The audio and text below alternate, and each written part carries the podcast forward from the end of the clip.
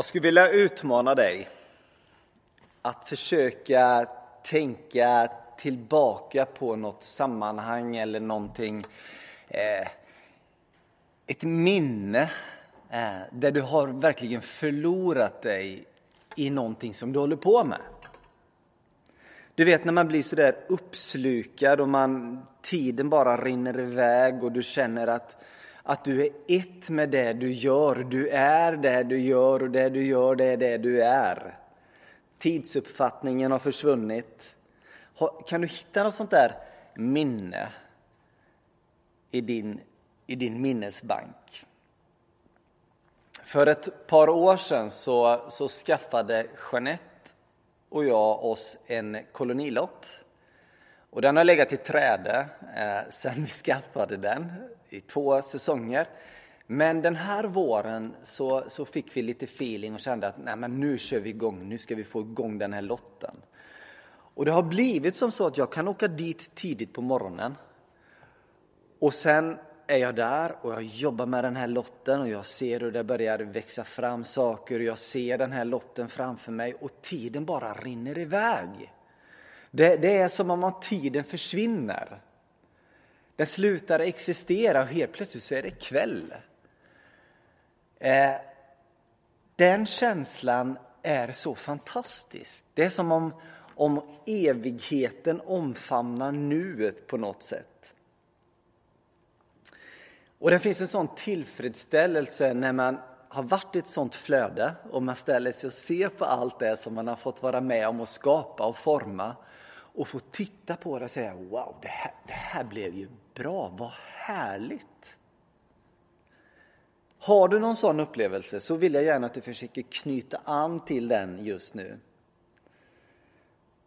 De där tillfällena handlar ju oftast om när, när vi har fått vara med och, och skapa någonting. Där det verkligen är som så att, att evigheten omfamnar nuet. Och Peter, varför berättar du det här?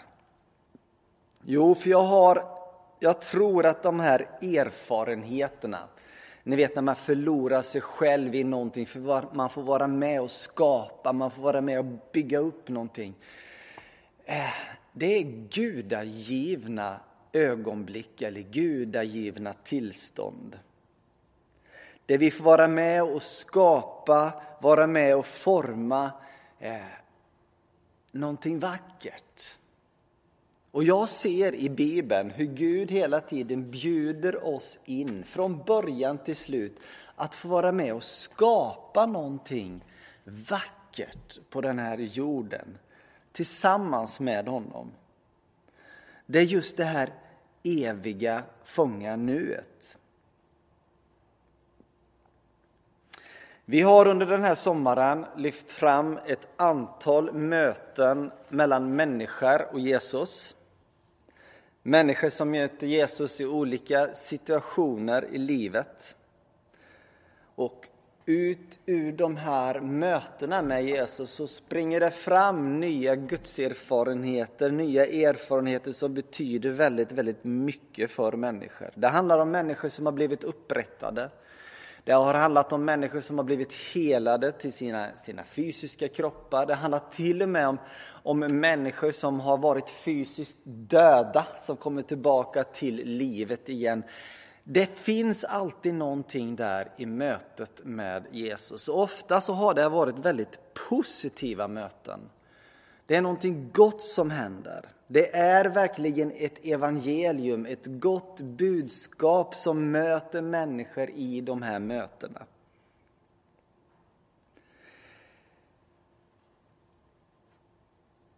Jag har valt en text som eh, stör lite grann och som väcker en massa frågor.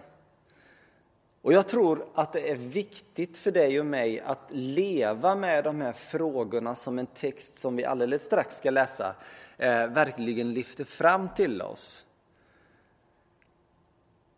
Jag tror att det finns människor som när ni hör den här predikan kommer bli lite irriterade. Jag tror att det finns människor som till och med kanske kommer bli lite arga och besvikna. Eh, men jag tror också att det finns människor som kommer att höra den här predikan. När man låter de här frågorna liksom ligga där och bottna och processas så tror jag att de kommer att föda någonting, ska jag säga, vackert och skönt i ditt liv. Jag tror att när frågor får landa och processas så kommer de att föda fram nya gudserfarenheter, en fördjupad tro. Men frågor kan ju också givetvis vara ganska jobbiga. För det ruckar så att säga på våra invanda mönster, det ruckar på våra inlärda tankegångar och beteenden. Så häng med mig till Matteus evangelium. Jag ska läsa från kapitel 19, vers 16 till 26. En man kom fram till Jesus och frågade Mästare, vad ska jag göra för gott för att få evigt liv? Jesus sa till honom, varför frågar du mig om det goda? Det finns bara en som är god. Och vill du gå in i livet, så håll buden. Han frågade honom, vilka? Jesus svarade, du ska inte mörda, du ska inte begå äktenskapsbrott, du ska inte stjäla, du ska inte vittna falskt, hedra din far och mor och du ska älska din nästa som dig själv. Då sa den unge mannen till Jesus, allt detta har jag hållit. Vad är det då jag saknar? Jesus svarade, vill du vara fullkomlig, gå och sälj vad du äger och ge åt de fattiga. Kom sen och följ mig. Då kommer du få en skatt i himlen. När den unge mannen hörde det svaret gick han bedrövad bort, för han ägde mycket. Jesus sa till sina lärjungar, jag säger er sanningen, det är svårt för en rik att komma in i himmelriket. Jag säger er, det är lättare för en kamel att komma igenom ett nålsöga än för en rik att komma in i Guds rike. När lärjungarna hörde detta blev de djupt bestörta och sa, vem kan då bli frälst? Jesus såg på dem och sa, för människor är det omöjligt, men för Gud är allting möjligt. Vill du be tillsammans med mig? Gud, vi ber att du bevarar ditt ord i våra hjärtan. Och vi ber att du låter det verka på ett sätt så att det skapar liv, att det frigör mark för växt och tillväxt. Tack för att du låter din heliga Ande leda oss. Tack för att du låter din heliga Ande förklara orden för oss och ge den näring som behövs för växt. Amen. Jag sa ju det att väldigt många av de här mötena som människor har gjort med Jesus, speciellt de som vi har predikat över här i sommar ifrån Bibeln, har varit väldigt positiva. Lett till positiva skeenden. Men här är det ett möte med en man som är väldigt sökande. Han kommer med sina frågor. Han söker sig till Jesus. Men de svaren han får av Jesus gör att han går därifrån. Det står till och med att han går bedrövad därifrån. Är ni med? Det är en man som kommer, en sökare som kommer till synes med en väldigt enkel fråga. Och jag funderar ibland, vad är det som gör att den här rike unge mannen, som verkar vara en from ung man till och med, känner att det är någonting som gnager i honom som gör att han måste söka sig till den här mästaren Jesus för att fråga, hur får jag tag på det? Det var någonting som han saknade. Jag upplever att den här texten redan från början eh, manar fram en massa frågor. När den här mannen som på riktigt söker Jesus och ställer en väldigt enkel fråga. När Jesus märker att hans svar gör att han går därifrån. Varför tar inte Jesus tag i det där? Varför går han inte bara fram? Men, men vänta, vänta lite. Eh, man skulle kunna tänka så här också. Är du med? Varför, varför har inte Jesus ett större hjärta här? Liksom? Varför låter han honom bara gå iväg? Varför, varför hjälper han honom inte? Texten växer, eller låter frågorna komma. Och vi ska dröja oss kvar vid de här frågorna och vänta med svaren lite grann. För att förstå Jesus och den, låt mig säga revolutionerande budskap som han kommer med så tror jag att det är jätteviktigt att, att verkligen förstå eh, den judiska mylla, det judiska liv, den judiska traditionen som Jesus står i. Det liv som han talar i. Och här skulle vi behöva ett, ett grundligt bibelstudium på riktigt för att, att se vad det är för grupperingar i samhället, vad är det för diskussioner som är igång så att vi förstår Jesu ord på rätt sätt. Jag skulle nöja mig idag med att bara berätta om att, att hela det judiska folket lever med en makalös berättelse en storslagen berättelse som handlar om en Gud som är god. En Gud som har skapat. Och berättelsen fortsätter med att sen så, så blev det en kris. Människan vände sig bort ifrån Gud. Men utifrån den krisen så visade det sig också att Gud tänker inte ge upp på sin skapelse och inte heller på skapelsens mästerverk, människan. Så ur den här krisen så väljer sen Gud ett folk som han har tänkt att det ska vara hans folk som han ska välsigna så att de i sin tur kan välsigna hela världen. Och utifrån den kallelsen så är det sen ett långt, i hela gamla testamentet, ett långt förbund, ett samtal med Gud. Men också konflikt med varandra och med Gud. Och här i den här fantastiska storslagna berättelsen så dyker det upp profeter. Och de här profeterna talar om en om en kommande tid. Det kommer en tid som kommer att bli så annorlunda mot den tid som är nu. En tid någon gång i framtiden, säger de. En tid som kommer präglas av frid och fred. De talar till och med om att, att spjut och svärd ska omformas, omvandlas till plogbilar. De talar om en framtid med jämlikhet och rättvisa där kärlek råder, där läkedom och helande är det naturliga. Det talas om detta som att det kommer att hända någon gång i framtiden, någonting som är där framme, men som ska ske här och nu. Ja, det talar faktiskt inte så mycket, nästan inte alls i Gamla Testamentet om att det är en himmel långt borta någon annanstans, utan man talar om att det är någonting som sker här, nu. Bilderna som används för att beskriva det här handlar om jord, mylla, vin, gästabud, feta rätter. Du vet, det här festen, glädjen här och nu.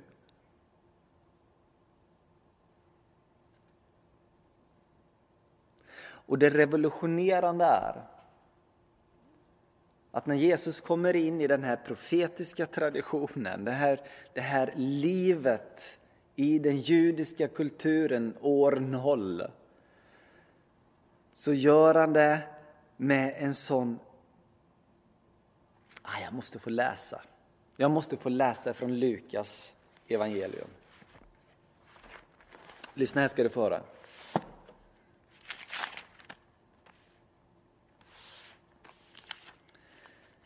Jesus öppnade Jesaja bokrulle när han stod i synagogan i Nasaret.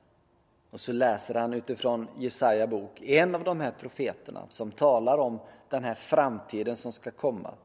Herrens ande är över mig för att han, han har smort mig till att förkunna glädjens budskap för de fattiga. Han har sänt mig att utropa frihet för de fångna och syn för de blinda, att ge de förtryckta frihet och förkunna ett nådens år från Herren. Citat ifrån Gamla testamentet. Sen rullade han ihop boken, räckte det till tjänaren och satte sig. Alla i synagogan hade sina ögon fäst på honom. Då började han tala till dem och så sa han så här, lyssna nu. Idag har detta stället i skriften gått i uppfyllelse för er inför er som lyssnar. Guds rike är här.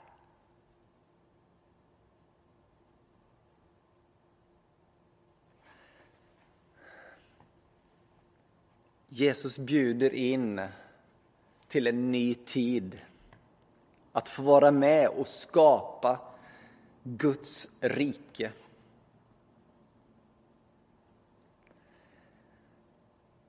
Vi kan se det väldigt tydligt när vi läser längre fram hur Jesus andas på sina lärjungar precis som Gud Fadern själv andades på människan i skapelsens ögonblick. Andas sitt liv in i människan, hur Jesus andas på lärjungarna och säger ta emot helig ande. Alltså en ny skapelse som är på gång.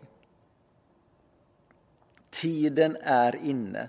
Jag tror att det är en ny skapelse av Guds rike här på den här jorden. Där vi får vara med, vi bjuds med. En man kom fram alltså och frågade Jesus, vad ska jag göra för gott för att få evigt liv? Det är ju en enkel fråga, eller hur? Men den öppnar upp en massa andra frågor som jag tror behöver processas i våra liv.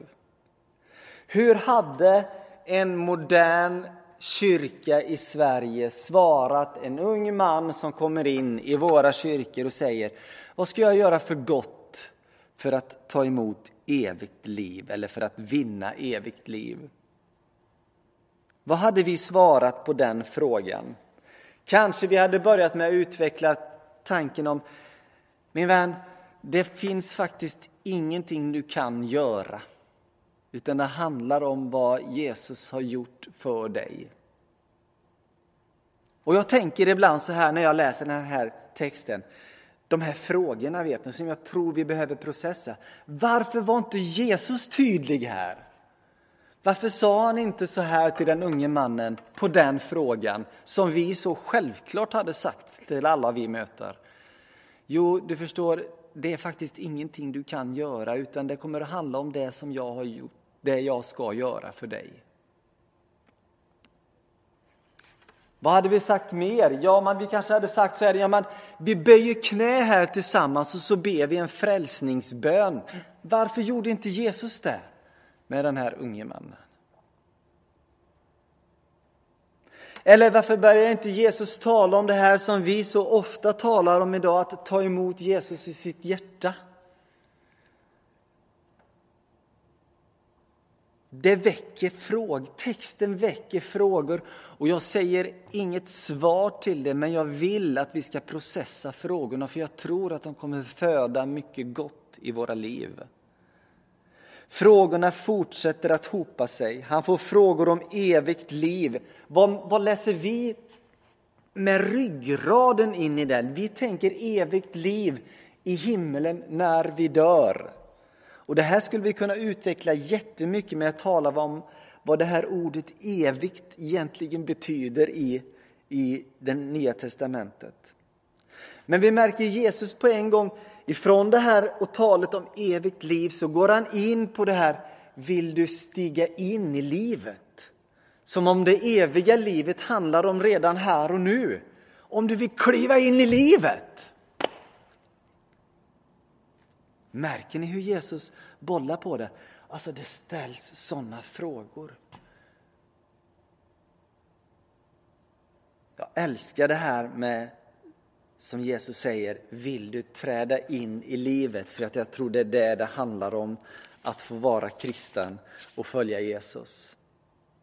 Detta får kliva in i livet och få vara medskapare genom den helige Ande, med Gud Fader själv, i ett helt nytt rike som redan har börjat. Redan nu är det här, som Jesus sa. Vad ska vi göra för att vinna evigt liv? Håll budorden, säger Jesus. Va? Är det inte lite förvånande? Håll budorden. Och det här var en stor fråga på Jesu tid. Bara i de första fem böckerna i Bibeln så fanns det 613 bud. Och stora frågan ute i samhället var vilka budord är det som är viktigast? Vilka ska vi lyfta upp och hålla fram? När han får frågan, när Jesus får frågan vilka budord så går Jesus direkt till de tio bud som Mose fick på de här tavlorna på Sinai berg ifrån Fadern. Men märker ni också att det är inte alla buden, utan det är de sista buden. Där Jesus hoppar helt och hållet över alla de buden som handlar om hur vi ska vara mot Gud. Och det enda han lyfter fram här i mötet med den här mannen, det är de mellanmänskliga relationerna. De bud som handlar om de mellanmänskliga relationerna.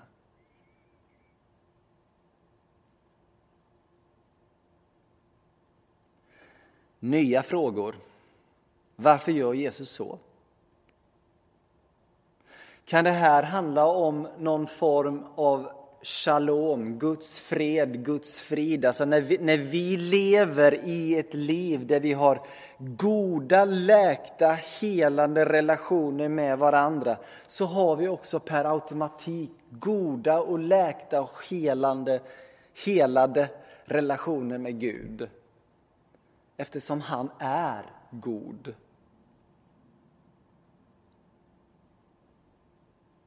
När vi studerar de gammaltestamentliga profeterna så ser vi verkligen det här mönstret.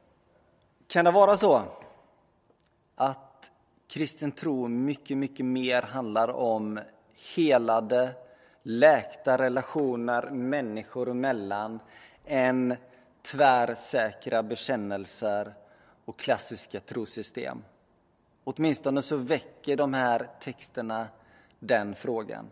Men vi kommer till den stora frågan nu i texten. En fråga som kräver sitt mod.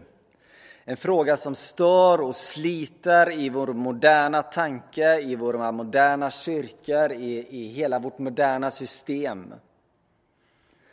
Han gick bedrövad därifrån, står det i texten. Varför gick han bedrövad därifrån? Jo, det står för att han ägde mycket. Alltså, mannens ägande, eller myckna ägande åtminstone, satte stopp för honom för att kunna träda in i livet fullt ut.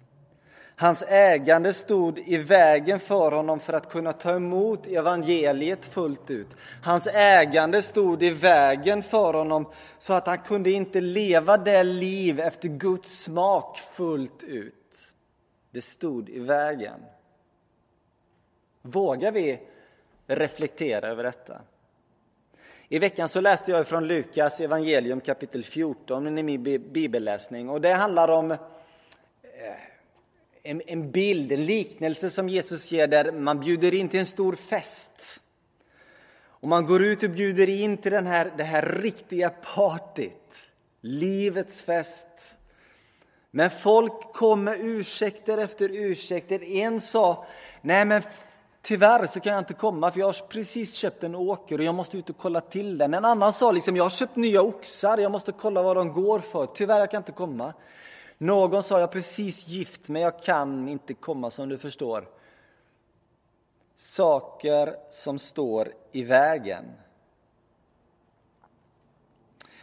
På samma sätt så ser vi som så många gånger förut hur Jesus skärper det här bara lite, lite längre fram i Lukas kapitel 14.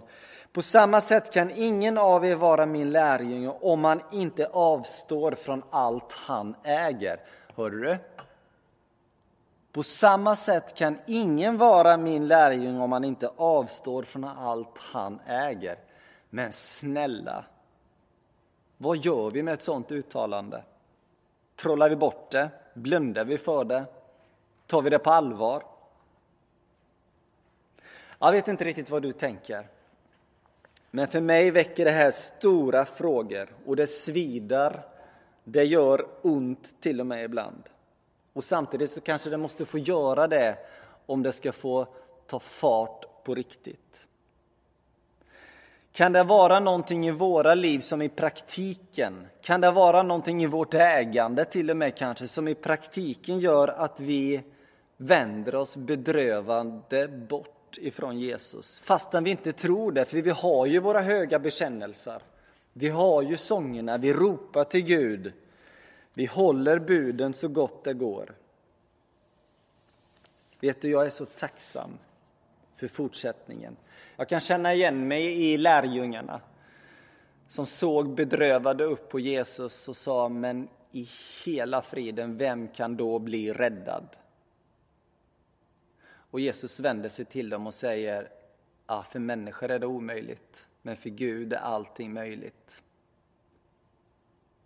Alltså märker ni hur Jesus manar fram till ett liv efter Guds smak, men vi fixar inte det själva. Men det finns någon som kan fixa det åt oss. För människor är det omöjligt, men för Gud är allting möjligt. Gud, kom och gör det i mitt liv. Forma mig. Forma mitt liv efter ditt rike, efter din smak. Det är min bön. Jag vill inte ha saker som står i vägen. Visa mig vad det är för någonting. Jag tänker lämna dig här med frågorna. Men jag skulle så gärna vilja be om Guds välsignelse över dig. Så du får gärna lyfta dina händer och blunda om det känns okej okay, och så tar du emot Guds välsignelse. Herren välsigne dig och bevara dig. Herren låter sitt ansikte lysa över dig och vara dig nådig. Herren vände sitt ansikte till dig och giver dig frid. I Faderns och Sonens och den helige Andes namn. Amen.